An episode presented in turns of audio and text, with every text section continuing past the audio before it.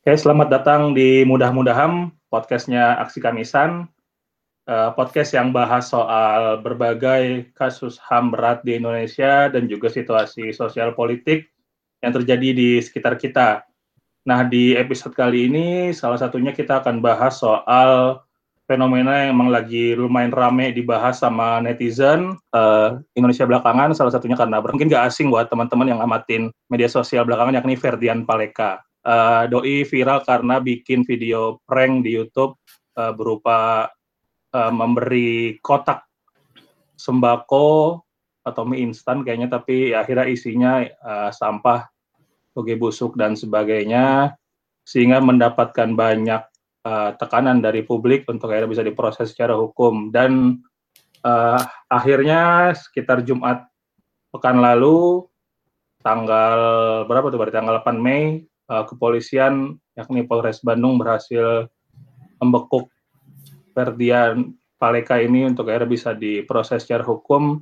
Tapi kabar yang lebih menghebohkan lagi uh, beredar video-video yang menunjukkan bahwa dirinya dirundung dan mendapatkan tindak kekerasan dugaannya oleh uh, warga binaan lainnya nih, tahanan lainnya yang ada di uh, sel. Dan untuk itu kita kedatangan teman ngobrol, uh, kita akan ngobrolin soal ini karena ya di media sosial respon-responnya beragam mulai dari yang bilang kayak semacam ungkapan uh, syukurin lah karena ini adalah dampak dari apa yang Ferdian uh, lakukan sebelumnya lewat video pranknya.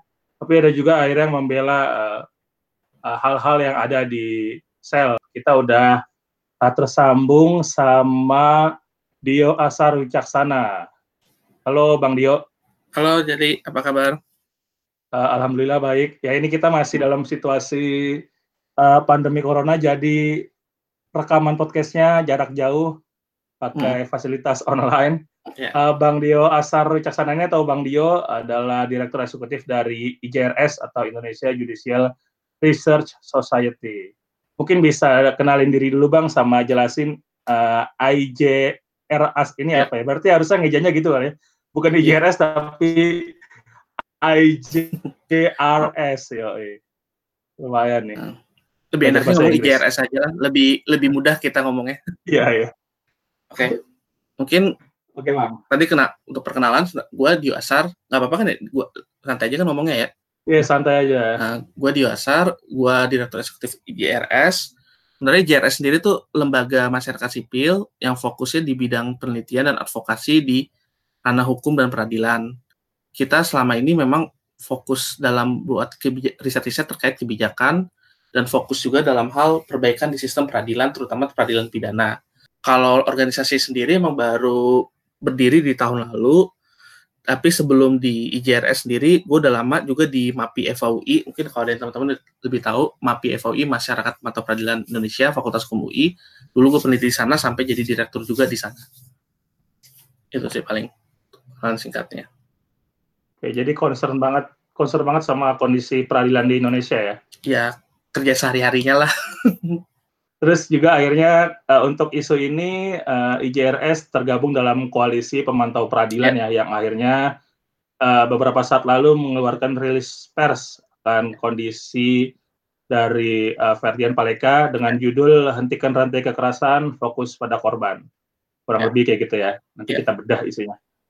Oke pertama-tama kita berangkat ke hal yang paling mendasar dari rantai uh, peristiwa inilah soal kasusnya itu sendiri yakni adanya video YouTube-nya di Ferdian Paleka yang bikin prank atau ya tipuan trik gitu kali buat akhirnya jadiin konten yang dia pengen ngasih bilang ke uh, netizennya pengen ngasih sembako dan bantuan uh, sosial terhadap uh, waria tapi isinya atau transpuan tapi isinya malah uh, sampah dan sebagainya.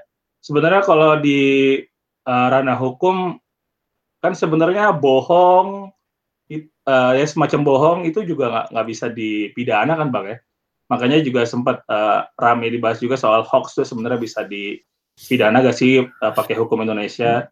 Tapi hmm. untuk konteksnya Ferdian Paleke ini yakni akhirnya bikin prank dan juga kayaknya ada semacam ujaran kebencian juga buat uh, kelompok masyarakat tertentu dalam hal ini transpuan itu akhirnya bisa dikontekskan apa nih dalam uh, platform hukum yang ada di Indonesia, Bang?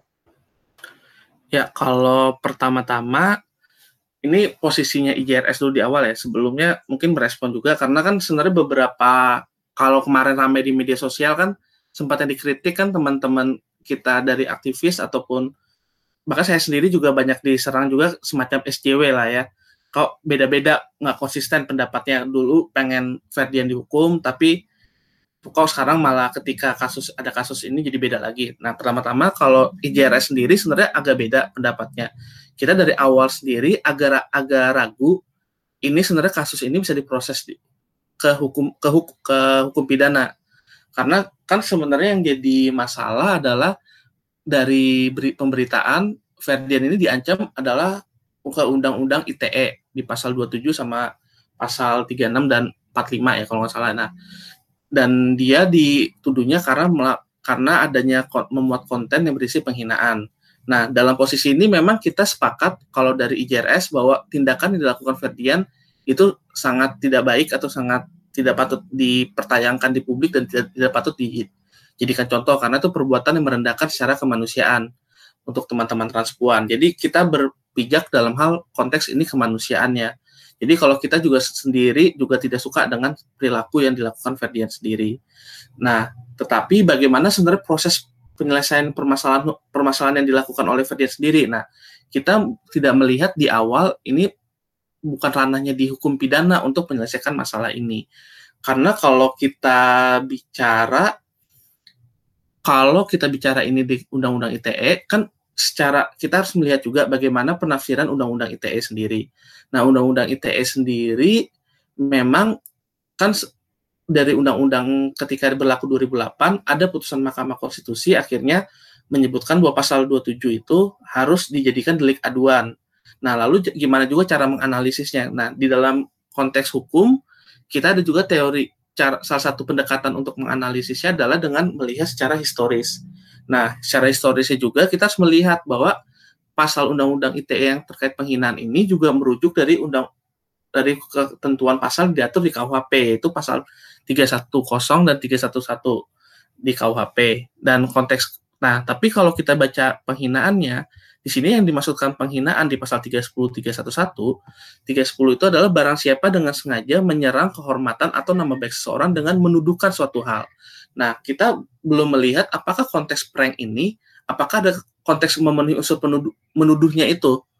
Nah, jadi kita masih agak ragu apakah ini benar-benar bisa masuk nggak sih ke konteks Undang-Undang ITE. Nah, sebenarnya ini yang kalau dari kita, kita sendiri melihat ini tidak tepat penggunaan pasalnya. Tetapi memang karena ini ada ini rame juga di pemberitaan publik, dan kalau tidak salah juga teman-teman transport juga melapor ke polisi, akhirnya polisi kan menindak lanjutkan terhadap laporan tersebut. Nah, sah-sah saja sih ketika memang polisi memproses hukum karena adanya laporan. Nah, tapi dalam hal ini polisi benar-benar harus cermat memilih pasal apa yang bisa digunakan atau pendekatan apa yang digunakan. Karena kalau misalnya kita bicara pasal Undang-Undang ITE seperti yang tadi saya jelaskan, kayaknya agak kurang kuat untuk memenuhi unsurnya. Sebenarnya kalau saya pribadi melihatnya yang kuat itu adalah pasal 315 itu adalah penghinaan ringan. Tapi kalau penghinaan ringan, dia itu sebenarnya ancaman pidananya hanya paling lama empat bulan. Jadi tidak boleh ada penahanan karena kan cuma apa singkat dan bisa diselesaikan dengan secara singkat prosesnya. Nah, karena itu kita kalau dari ICRS melihatnya konteks penggunaan pasal ini agak kurang kuat di Undang-Undang ITE dan bahkan tidak perlu ada penahanan ketika kasus Ferdian ini. Tetapi pada posisinya kita menghormati proses hukum yang berlaku dan apa yang dilakukan polisi. Nah, tapi kita harapannya polisi juga hati-hati menggunakan pasal undang-undang ITE karena pasal ini kan sudah banyak juga ya apa yang ahli-ahli ataupun para pihak yang berkomentar bahwa pasal ini sebenarnya undang-undang pasal karet yang penggunaannya bisa bisa jadi malah tidak sesuai dengan tujuan penegakan hukum. Nah, kalau kita dari koalisi pemantau peradilan kemarin kita melihatnya yang harus difokuskan bukan menghukum ke pelakunya Ferdian sendiri, tetapi kita harus bicara juga konteks pemidanaan ini kan berkembang ya, tidak hanya penghukuman atau memberikan efek jerah, tetapi tujuan konteks pidana ini kan ada yang sebenarnya kaitan sama keadilan restoratif, di mana yang fokus utamanya adalah mengembalikan kerusakan dari suatu tindakan atau permasalahan sosial. Nah, dalam konteks ini keadilan restoratif ini yang difokuskan adalah melindungi korban dan melindungi masyarakat. Nah, sebenarnya ada peluang juga kalau kita melihat di ada surat edaran kepolisian tentang keadilan restoratif tahun 2018. Nomornya kalau nggak salah, ini saya coba lihat dulu nomornya. Itu surat edaran Kapolri nomor SE garis miring 8 garis miring 8 angka Romawi garis miring 2018 tentang penerapan keadilan restoratif. Nah, di sini sebenarnya ada bisa potensi suatu permasalahan itu diselesaikan dengan cara perdamaian dulu kalau tapi memang ada beberapa syarat-syarat atau prosedur yang berat dan itu harus kerelaan dari kedua belah pihak untuk mau diselesaikan dengan perundingan dahulu. Jadi sebenarnya bisa sebenarnya kalau saya bisa melihat sebenarnya ada peluang nggak perlu sampai proses pidana penjara. Sebenarnya bisa dicoba didamaikan antara Ferdian dengan korban yang dihina kena prank itu dari Transpuan dan bisa dibilang juga bahwa Ferdian harus melakukan permintaan maaf baik itu ke korban Transpuan dan secara publik dan dia mungkin perlu juga untuk memberikan bantuan sosial misalnya contohnya ke transpuan atau kelompok-kelompok yang termarginalkan lainnya. Jadi kalau kita bicara keadaan restoratif itu bisa diterapkan sebenarnya bisa diterapkan walaupun memang prosedurnya susah dan itu juga memang perlu perspektif penegak hukum yang memang beda dengan kebiasaan selama ini.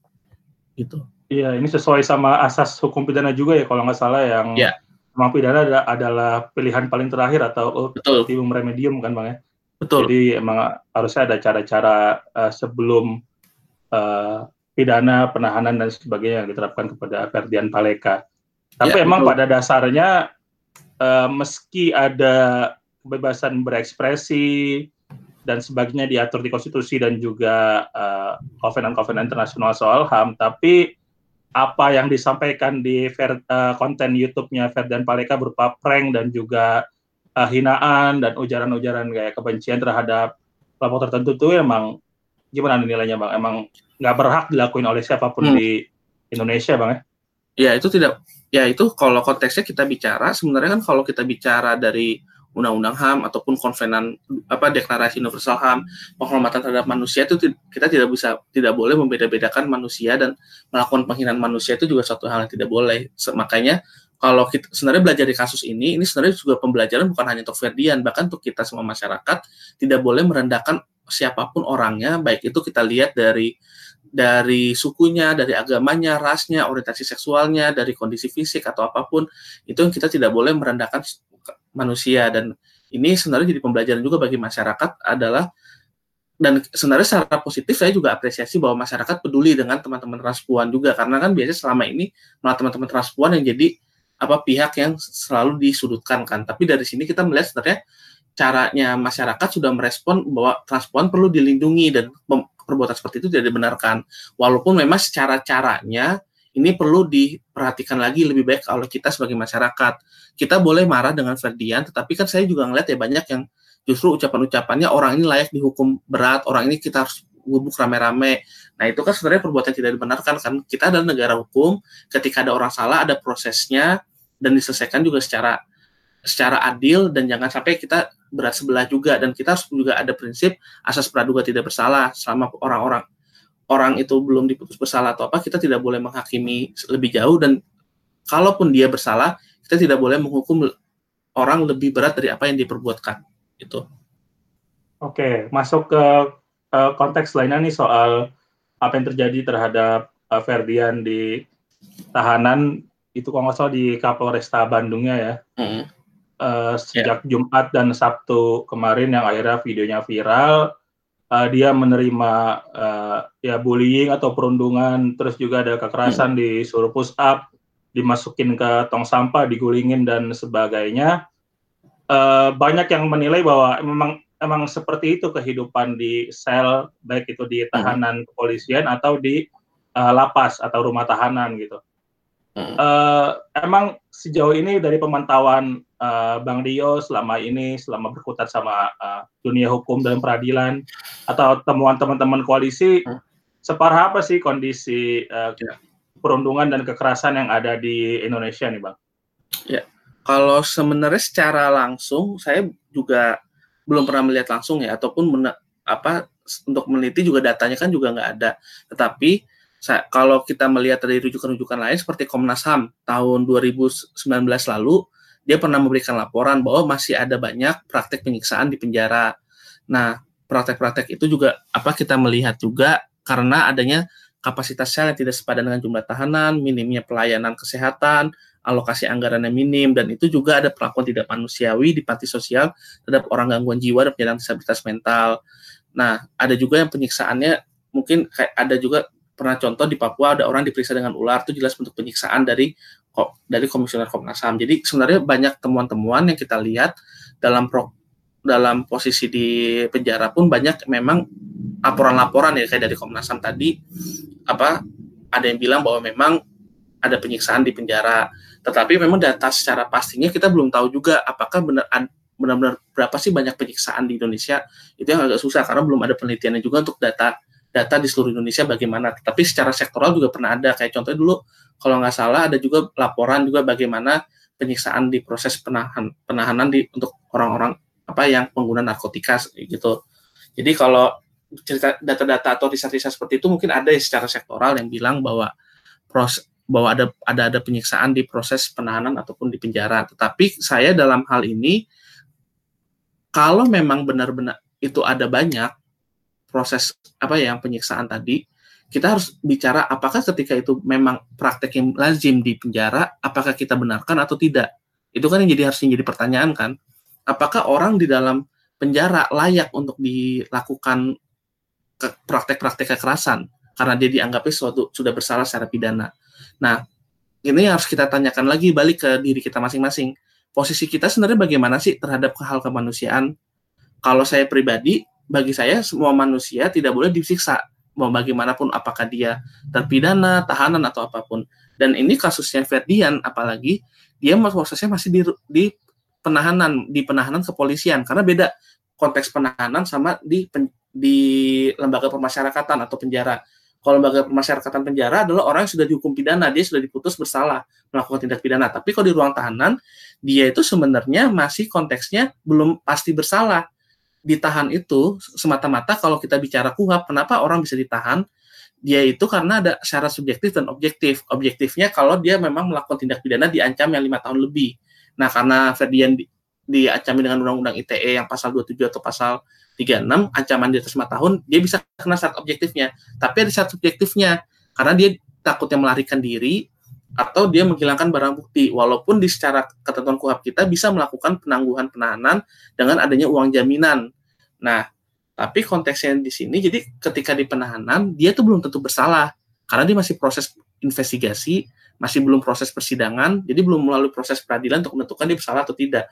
Nah, tetapi ap apakah orangnya belum pasti bersalah layak juga kita pukul seperti itu. Nah, jadi konteksnya kalau saya bicara dalam kondisi apa pun, orang tidak boleh disiksa Nah, konteks ini yang harusnya kita kita cermati. Kalau memang banyak orang-orang yang bilang bahwa itu praktik yang lazim, harusnya kita berpikirnya bukan di membiarkan, harusnya kita laporkan atau harusnya kita minta negara yang selaku pihak yang punya kewenangan lebih untuk memproses atau menindaklanjuti bagaimana agar itu tidak terulang lagi di praktek-praktek seperti itu di lapas ataupun di ruang tahanan.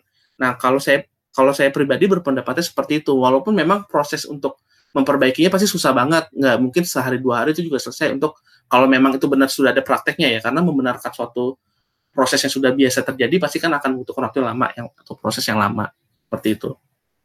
Iya, karena sebenarnya uh, konteksnya karena viralnya kasusnya si Ferdian Paleka ini lewat mm-hmm. video dan sebagainya jadi uh, akhirnya jadi diskursus atau bahan diskusi yeah.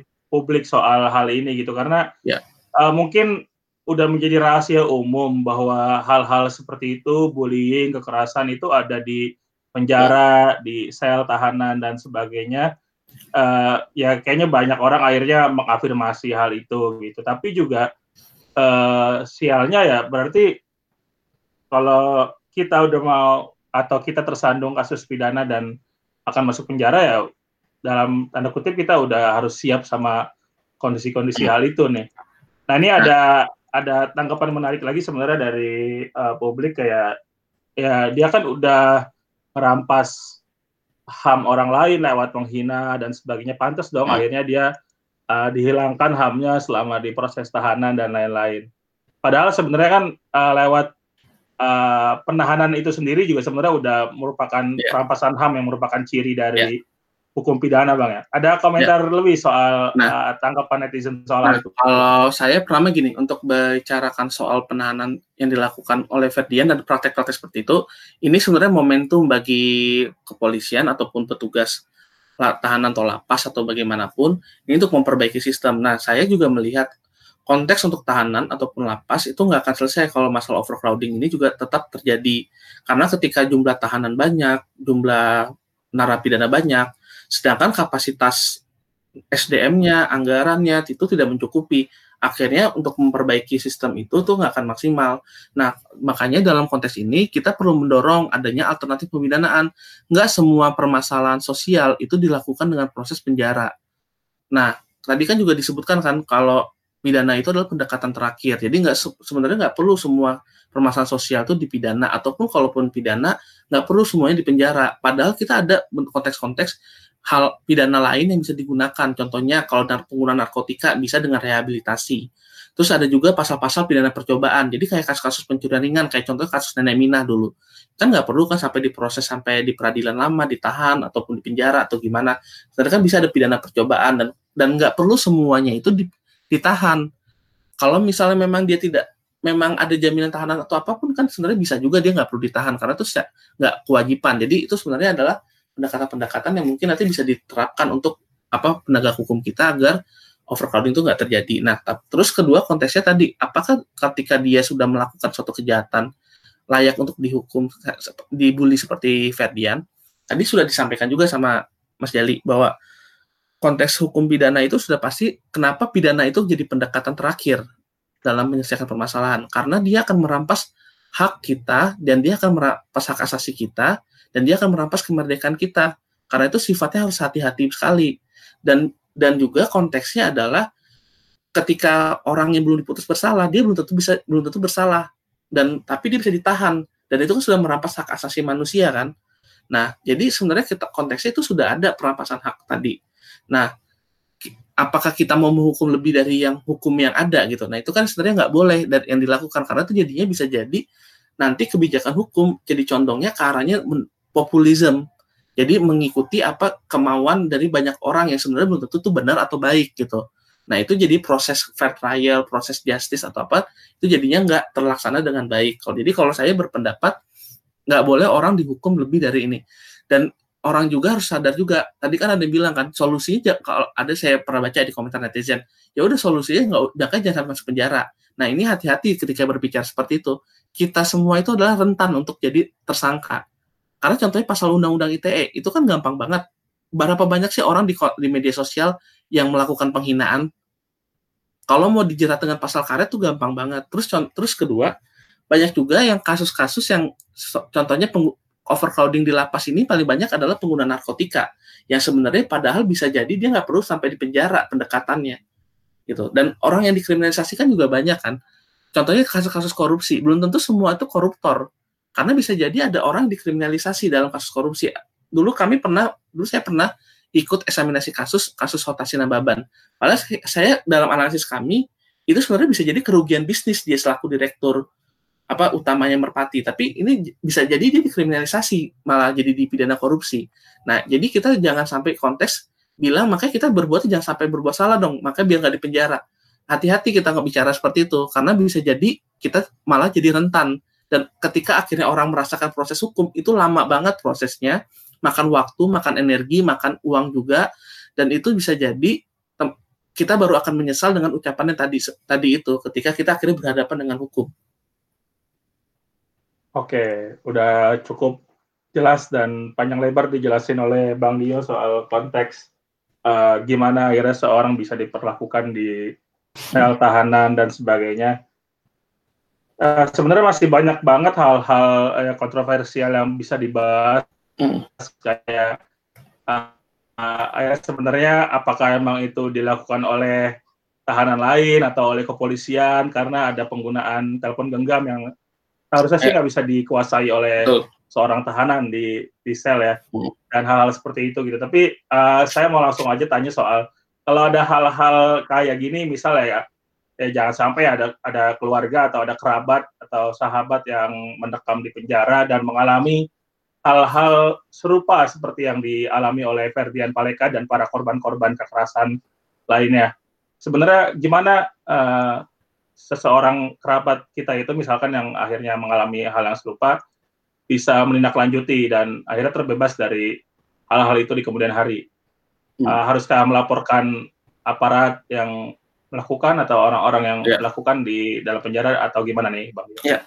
Nah, pertama gini dulu sebelum ke sana, saya belum tahu ya bahwa yang melakukan penyiksaan itu siapa atau bagaimana. Nah, ini tugasnya penegak hukum untuk ataupun kepolisian yang bertanggung jawab karena kan penahanannya kan kalau nggak salah masih di kepolisian kan.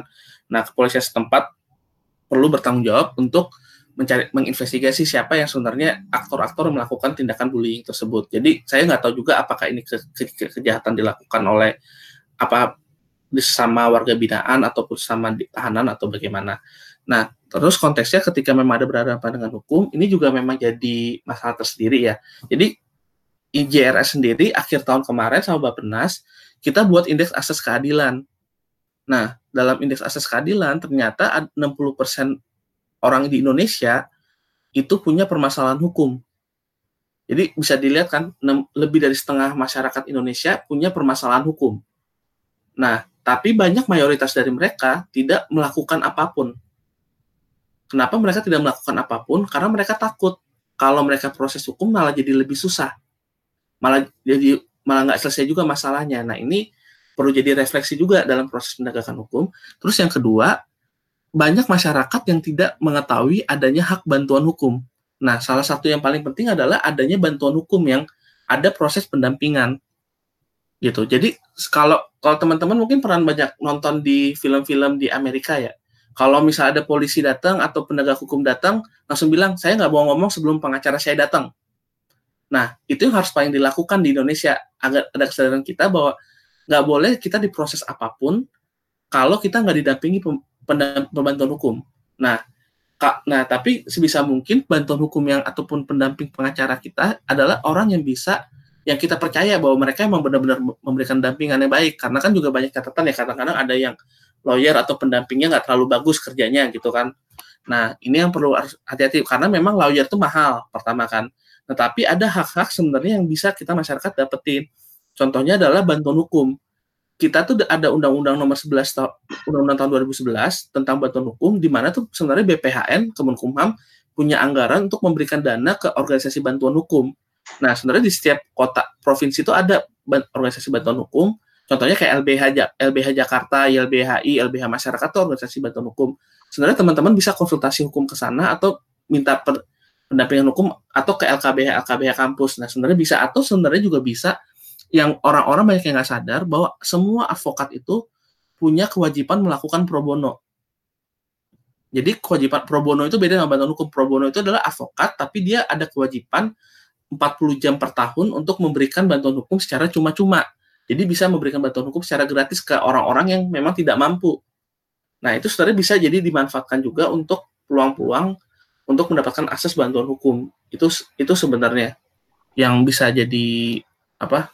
salah satu kuncinya untuk berproses hukum agar kita bisa prosesnya lebih seimbang ya itu karena kan bisa jadi kan kita nggak tahu hukum kan kadang-kadang juga bahkan saya juga yang lulusan hukum karena bukan nggak bisa praktek kadang-kadang nggak tahu juga apa surat-surat yang perlu penting atau gimana kan nah ketika ada pendamping hukum itu kan jauh lebih kuat di kita jadi posisinya seimbang dengan penegak hukum nah makanya peran pendamping hukum seperti advokat pemberi bantuan hukum atau apa pun para legal ataupun para legal itu sebenarnya sangat sangat penting untuk ketika kita berhadapan dengan hukum. Iya, karena bisa jadi pada saat kita menerima hal yang nggak sepantasnya, misal disiksa hmm. Atau torture atau ya diintimidasi pada saat pemeriksaan dan sebagainya, jikalau kita mau melaporkan uh, kesalahan-kesalahan para aparat penegak hukum itu malah akhirnya kita malah dapat keburukan-keburukan lainnya gitu. Di malah di peres dan sebagainya gitu-gitu. Kayak banyak cerita-cerita yang uh, beredar dari bagaimana orang bisa uh, mengalami situasi situasi buruk di uh, proses hukum di Indonesia. Oke, okay, uh, Bang Dio, terima kasih banyak atas waktunya. Sama-sama. Uh, sorry ganggu di kesibukan dan masa-masa WFH-nya. Nggak apa-apa, santai aja. terima kasih banyak buat waktunya. Semoga bisa ngobrol-ngobrol di lain kesempatan. Siap. Intinya dari kasus Ferdian Paleka ini kita bisa melihat bahwa uh, bisa dan bisa banyak belajar juga sekaligus bahwa ada hal-hal yang perlu bersama-sama kita pelajari lebih lanjut bagaimana kita bisa adil uh, bersikap dan melihat sisi kemanusiaan di berbagai aspek apalagi dalam proses hukum di Indonesia gitu. Kita bisa uh, ya mengutuk dalam tanda kutip apa perbuatannya Ferdian Paleka terhadap uh, kelompok transpuan di video prank YouTube-nya, tapi kita juga harusnya bisa melihat bahwa ya Ferdian tetap punya hak atas kebebasan dari kekerasan di mana pun dia berada termasuk di tahanan yang memproses uh, peristiwa hukumnya.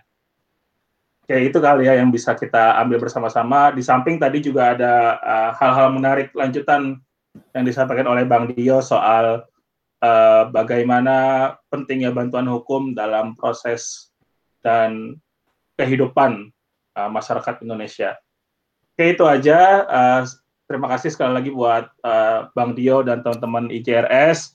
Teman-teman bisa follow lebih lanjut uh, dan ngobrol-ngobrol sama teman-teman IJRS soal bagaimana situasi peradilan di Indonesia. Bisa follow Instagramnya di IJRS underscore official, Bang ya. Iya, betul. At IJRS oh, underscore official. Uh, atau di websitenya langsung di ijrs.or.id. Ya. Oke. Okay. Uh, sukses selalu buat IJRS dan Bang ya. Dio. Sukses uh, juga buat teman-teman selalu. Ya, semoga bisa aksi bareng dalam waktu ya, dekat. Siap. Siap. Dengan dengan indikatornya uh, coronanya udah selesai. Betul. Itu yang paling penting dulu. Oke. okay. Uh, terima kasih buat teman-teman yang udah dengerin. Jangan lupa uh, untuk dengerin episode sebelumnya kalau belum sempat dengerin dan juga share di berbagai platform media sosial yang teman-teman punya uh, dengan tag aksi kamisan dan juga pakai tagar mudah-mudahan. Oke, sampai jumpa di episode selanjutnya. Salam mudah-mudahan.